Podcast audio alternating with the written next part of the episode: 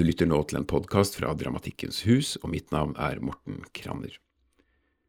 Sara Li Stensrud og Madalena Susa Helly Hansen har hatt en ukes verksted med teksten Blomsterstykket.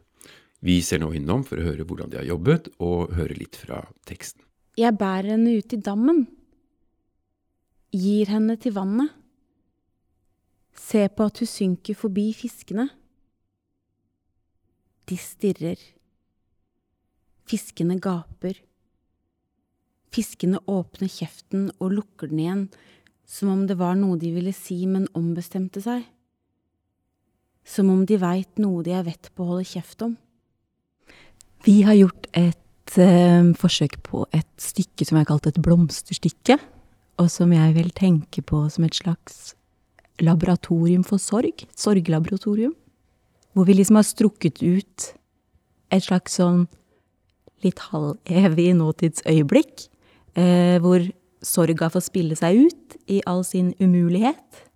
Det er et rom hvor, hvor sorga eh, nettopp får være så umulig som den er. Et sted hvor man liksom ikke helt veit om man er redd eller rasende eller trist eller kåt. Om man har lyst til å skjelle ut noen eller få trøst. Trøste eller bli utskjelt ganske sånn paradoksalt sted å være, og samtidig et sånn utrolig allmennmenneskelig sted. Og vi har jobba mye med å åpne opp det rommet, sånn at personen på scenen ikke er så aleine i det. Vi har åpna opp mot publikum og forsøkt å liksom lage et rom hvor vi er sammen i dette som vi sånn stort sett, sånn som samfunnet vårt er skrudd sammen i hvert fall, er så overlatt til oss sjøl i. Vi lever liksom i en kultur som um, har privatisert sorga helt. Men uh, både i teatertradisjonen, helt tilbake til de gamle grekerne og sånn, så har vi jo liksom rituelle praksiser for å takle sånn i et fellesskap.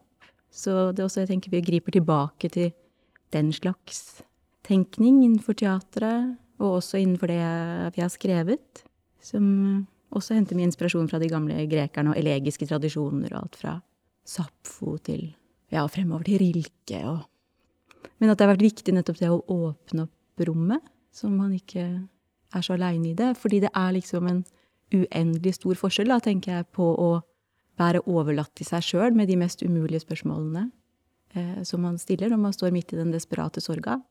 Og det er spørsmål som, man ikke, som det ikke fins noe svar på, men at hele forskjellen er å slippe å stille dem aleine, men, men, å stille dem i et rom eh, sammen med andre, da. Når man kan eh, rope ut all sin maktesløshet eh, i et fellesskap. Mm. Vi har jo vært her en uke cirka, og det er jo liksom Det er jo sånn som det er med alt, på en måte, at når man begynner med noe, så, så ser man også hvor mye mer man kan finne i det, eller at vi har begynt å åpne det opp, og sånn som det med at det ble en på en måte mindre ensomhet i det enn det vi kanskje hadde Det er jo noe som, som kom litt underveis her nå, egentlig og som man kan jo jobbe bare videre med. Eh, kan dere si noe om prosessen? Hvordan har dere jobbet? Vi begynte jo eh, mandagen her med en ganske sånn stor tekstmasse, hvor jeg hadde skrevet lenge, ganske lenge på et materiale, mer sånn diktmateriale, et langdikt. Eh, og som Madeleine på et tidspunkt begynte å skrive ut fra, sånn slags sånn forknoppelser eller forkroppelser i det, ut fra det materialet igjen. Eh, så vi, vi starta med den tekstmassen, og Madalena hadde lest det opp for meg på mandagen. Jeg hadde ikke sett det før, sånn de to perspektivene sammen. Og så, ja, og så har vi jo improvisert ut fra det, og jobba, mm. jobba med å finne fram til situasjoner mye. Eh, sceniske situasjoner og relasjoner, både til publikum, men også til Vi har eh, hatt et veldig sånn teatralt nedstrippa uttrykk, hvor vi eh, først og fremst brukte et kranie, et elgkranie som jeg fant oppi skauen hos bestemor oppi Messenalia. Og som vi har brukt litt sånn i objektteatertradisjonen, nesten. Vi har jobba en del med det før.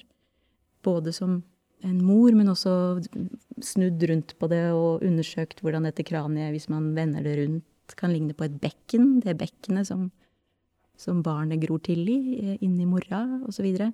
så vi har jobba veldig sånn improvisatorisk og intuitivt både med objekter og med tekst, og så tatt vekk veldig mye tekst underveis og funnet liksom situasjoner i et materiale som i utgangspunktet ikke var tenkt scenisk og situasjonsmessig på den måten. Det er ikke skrevet med replikker, det er liksom ikke, det er ikke satt opp med psykologi, psykologiserte situasjoner. Ja. Så alt dette her er liksom ting vi har improvisert fram da, i løpet av den uka.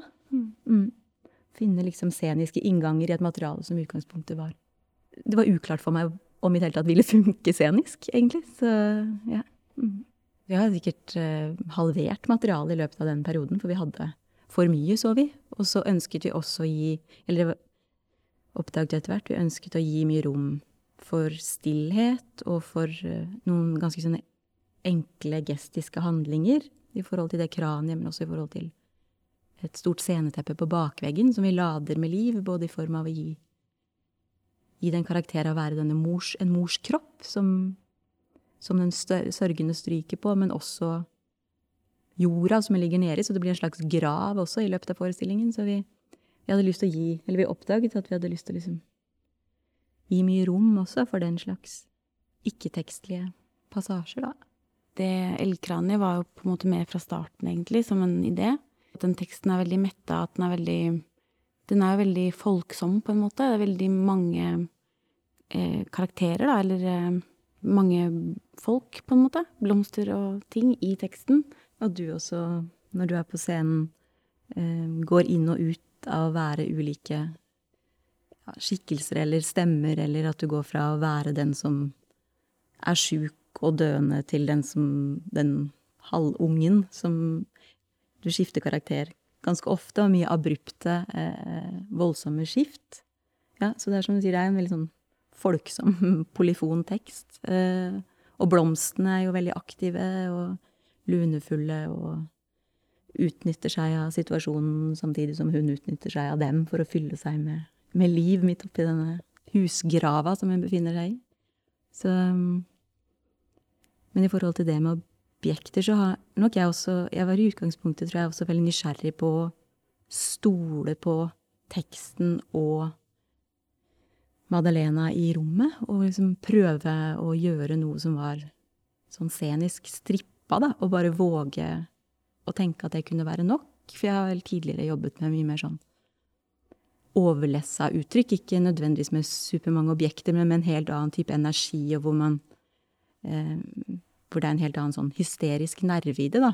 Eh, sånn at jeg har tenkt at denne gangen springer delvis ut av teksten også, som er måte har et voldsomt alvor i seg, da. Eh, eh samtidig som den er voldsomt ja, eh, grotesk og, og, også veldig leken. Jeg føler at det er en sånn, en sånn barnlig leklogikk der også, i forhold til eh, å spille ut sorg eh, og desperasjon gjennom liksom, Litt sånn som et barn kanskje kunne forholde seg til det. At i ene øyeblikket graver hun ned mora i blomsterbedet, tar henne opp igjen, kaster henne i dammen, gir henne til fiskene, ser om det er mulig å få liv i henne der. Eh, altså, det er en sånn eh, ja, en ganske sånn voldsom verden. Eh, så det er litt sånn om teksten er nok. Og jeg har vel oppdaget det også, at jeg at den, opplevde at den var det. At det var så eh, Det var en stor trygghet å bare merke det, at man kunne hvile i det, og også hvile i den stillheten innimellom.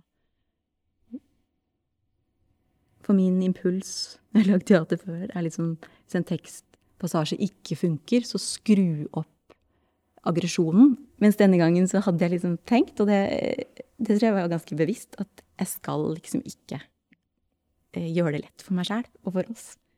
Så da måtte vi heller jobbe med andre måter å utsi teksten på. Da har vi jobbet veldig mye, du og Madalena, med eh, å finne en form for sånn hverdagslighet. En slags naturalisme i forhold til hvordan du liksom fremfører teksten.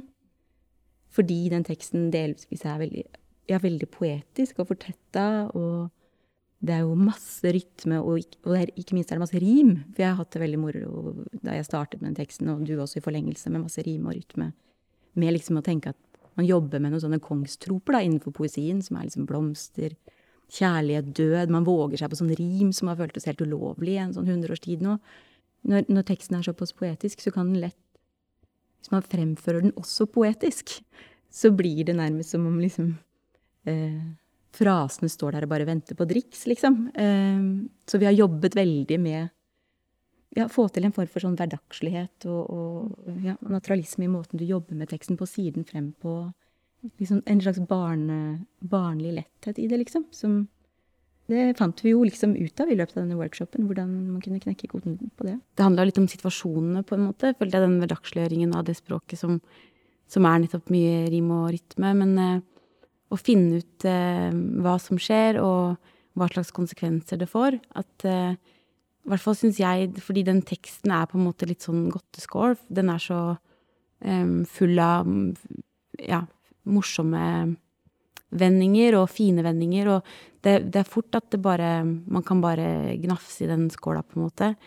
Men, eh, men vi eh, fikk jo noen tilbakemeldinger på at det eh, hadde vært fint om det kunne få mer konsekvenser av de tingene som faktisk skjer, fordi at Det er jo noe av og til med sånne tekster som, som sier noe, og så så kan man tenke liksom Ja, men dette er jo bare sånn Dette er jo et dikt. Det er, det er jo ikke på ordentlig, på en måte. Eller det, det blir jo ikke sagt. Det, det, skjer jo ikke. Men på en måte så gjør det jo det også. Og da er det jo Syns jeg det var veldig fint når vi jobba mer med det, da. Hva det faktisk er som skjer, og hva det er som står på spill. Um, selv om man ordlegger seg på rim, så skjer det jo noen ting. Um, ikke bare i språket, liksom, men også i, i situasjonen, da. Stykket er liksom episodisk oppbygd, på en måte. Eh, eller at det er sånn det har blitt i løpet av den uka her. At vi har liksom brukket det opp i sånne eh, episoder eh, hvor vi hvor alt foregår eh, i denne hagen, rundt denne hagen og dette huset, eh, eh, med ei mor som driver og dør det er jo et av disse umulige spørsmålene som blir stilt i løpet av stykket. Det blir stilles veldig mange umulige spørsmål som, som ikke engang blomstene kan svare på. Um, og et av dem er uh, at mora mi dør. Det er det hun gjør. Men hva skal jeg gjøre? Um, og det er veldig mye det hun prøver å finne ut av. Um, hvordan stå i dette, som er helt umulig å forholde seg til. og da er det ulike situasjoner spilt ut. Det er ulike både måter å prøve å synke det på, at det er dette som skjer, og så er det ulike situasjoner hvor hun henvender seg til denne mora. Mm. Um, forsøker å få kontakt med henne. Uh, det er det ganske mye av. Um, prøver å lokke henne fram fra en slags morfinrus. Og hele tiden vekselvirkning med å henvende seg til publikum, stille spørsmål, og så er det en konfrontasjon nærmere slutten med dette kraniet. En slags voldsom utskjelling, en slags sjølutskjelling og morsutskjelling som kulminerer i en slags sjølomsorg der også. Mm. Så er det en slags sånn gavelogikk som går gjennom det hele. Det starter med at hun kommer fram og legger ut for publikum at det her er alt jeg har å gi bort i dag. Og det her er dette kraniet, da. Det her og hjertet mitt og alle blomstene og hagen. Og så ber hun publikum å huske å telle, i tilfelle hun glemmer noe. At det er dette kraniet og hjertet mitt og alle biene som bor i kløveren, som hun skal gi bort i dag. Og selv om hun sier at dette er alt jeg har å gi bort, så blir det ganske tydelig i løpet av den lille remsa der at det er vel stort sett alt man har, det, eh, som skal gis bort i løpet av denne timen. Jeg opplever at det stykket gjør, er å gå gjennom så uendelig mange forskjellige avskygninger av hvordan det oppleves, da. Å miste alt som man har kjært. Um, og at sånn sett så beveger stykket seg kanskje også gradvis mot en slags sånn Det er virkelig ikke et forsjonssted, fordi alt spilles ut i et slags sånn nåtidsøyeblikk. Men på et eller annet tidspunkt der så slutter hun i hvert fall å forsøke å få kontakt med den som driver og dør igjen og igjen, og som hun graver ned, og som hun prøver å lokke fram. Og på en måte bare står i alle de eh, motstridende og umulige stemningene og følelsene, og på en eller annen måte blir Vi snakket litt om det, at hun blir liksom et slags sånn Det er litt sånn Saratustra-følelse der på et tidspunkt, føler jeg, hvor, hvor alt, alt som hun liksom eh, tar opp i seg av, av det umulige, eh, eh, også gjør henne uendelig sterk på et eller annet plan. Sånn at til slutt så står hun foran oss og sier at jeg er den elskovssjuke dattera til min dødssjuke mor. Og at det er en sånn Ja, det er en sånn voldsom styrke i den reisen, og hvor hun på en måte viser fram alt dette umulige og får lov til å, å, å spille det ut foran publikum. Ja, det blir, det blir det en annen styrke da, på slutten, tenker jeg, eh, i det ekstremt sårbare, da, sånn som jeg tenker at sånn som, sånn som livet er, og sånn som sorga er, og sånn som det er hvis man lever i denne verden og våger å bli glad i noen, så eh, er jo dette det mest allmennmenneskelige som kan skje. Eh, dette voldsomme som foregår på denne scenen her, er Det kan se veldig voldsomt ut på en scene, men eh, for en trøst det er å, å se det der, da. Eh, sammen med andre. Eh, fordi dette er så voldsomt som det er å være, være menneske, da. Jeg bærer henne ut i dammen. Gir henne til vannet. Se på at hun synker forbi fiskene. De stirrer. Fiskene gaper. Fiskene åpner kjeften og lukker den igjen, som om det var noe de ville si, men ombestemte seg. Som om de veit noe de er vett på å holde kjeft om. Som synet av mora mi som synker. Mora mi som sveller. Svampaktig. Svullen som skam. Det er de stumme fiskene som bor i det blinde vannet. Mora mi er bare på besøk. Mora mi hører ikke hjemme noe sted lenger, hun. Jeg har ei fin mor, hvisker jeg til mora mi.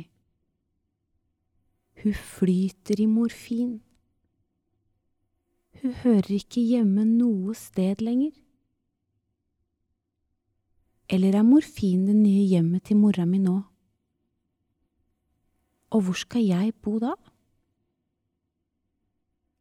Har du det fint i morfin, den fine mora mi? Har den fine mora mi morfine dager? Jeg prøver ikke å være morsom. Det er ingen her som ler. Mora mi ler ikke på et øyelokk. Du finner henne i stua, på ei seng fra hjelpesentralen, i rommet, midt inne i huset, midt inne i hagen der vi bor.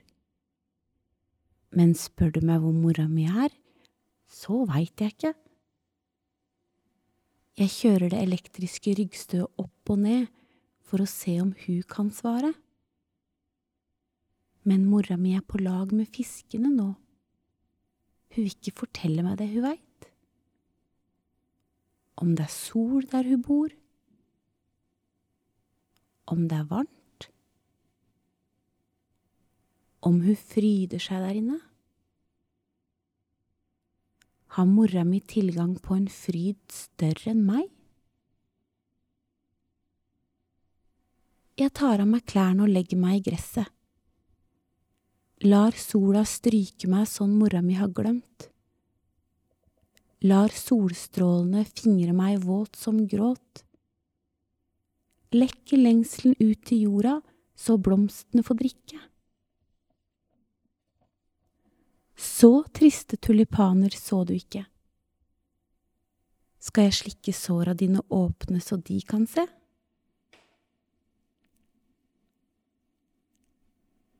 Hei. Se på meg. Jeg er dattera di. Husker du?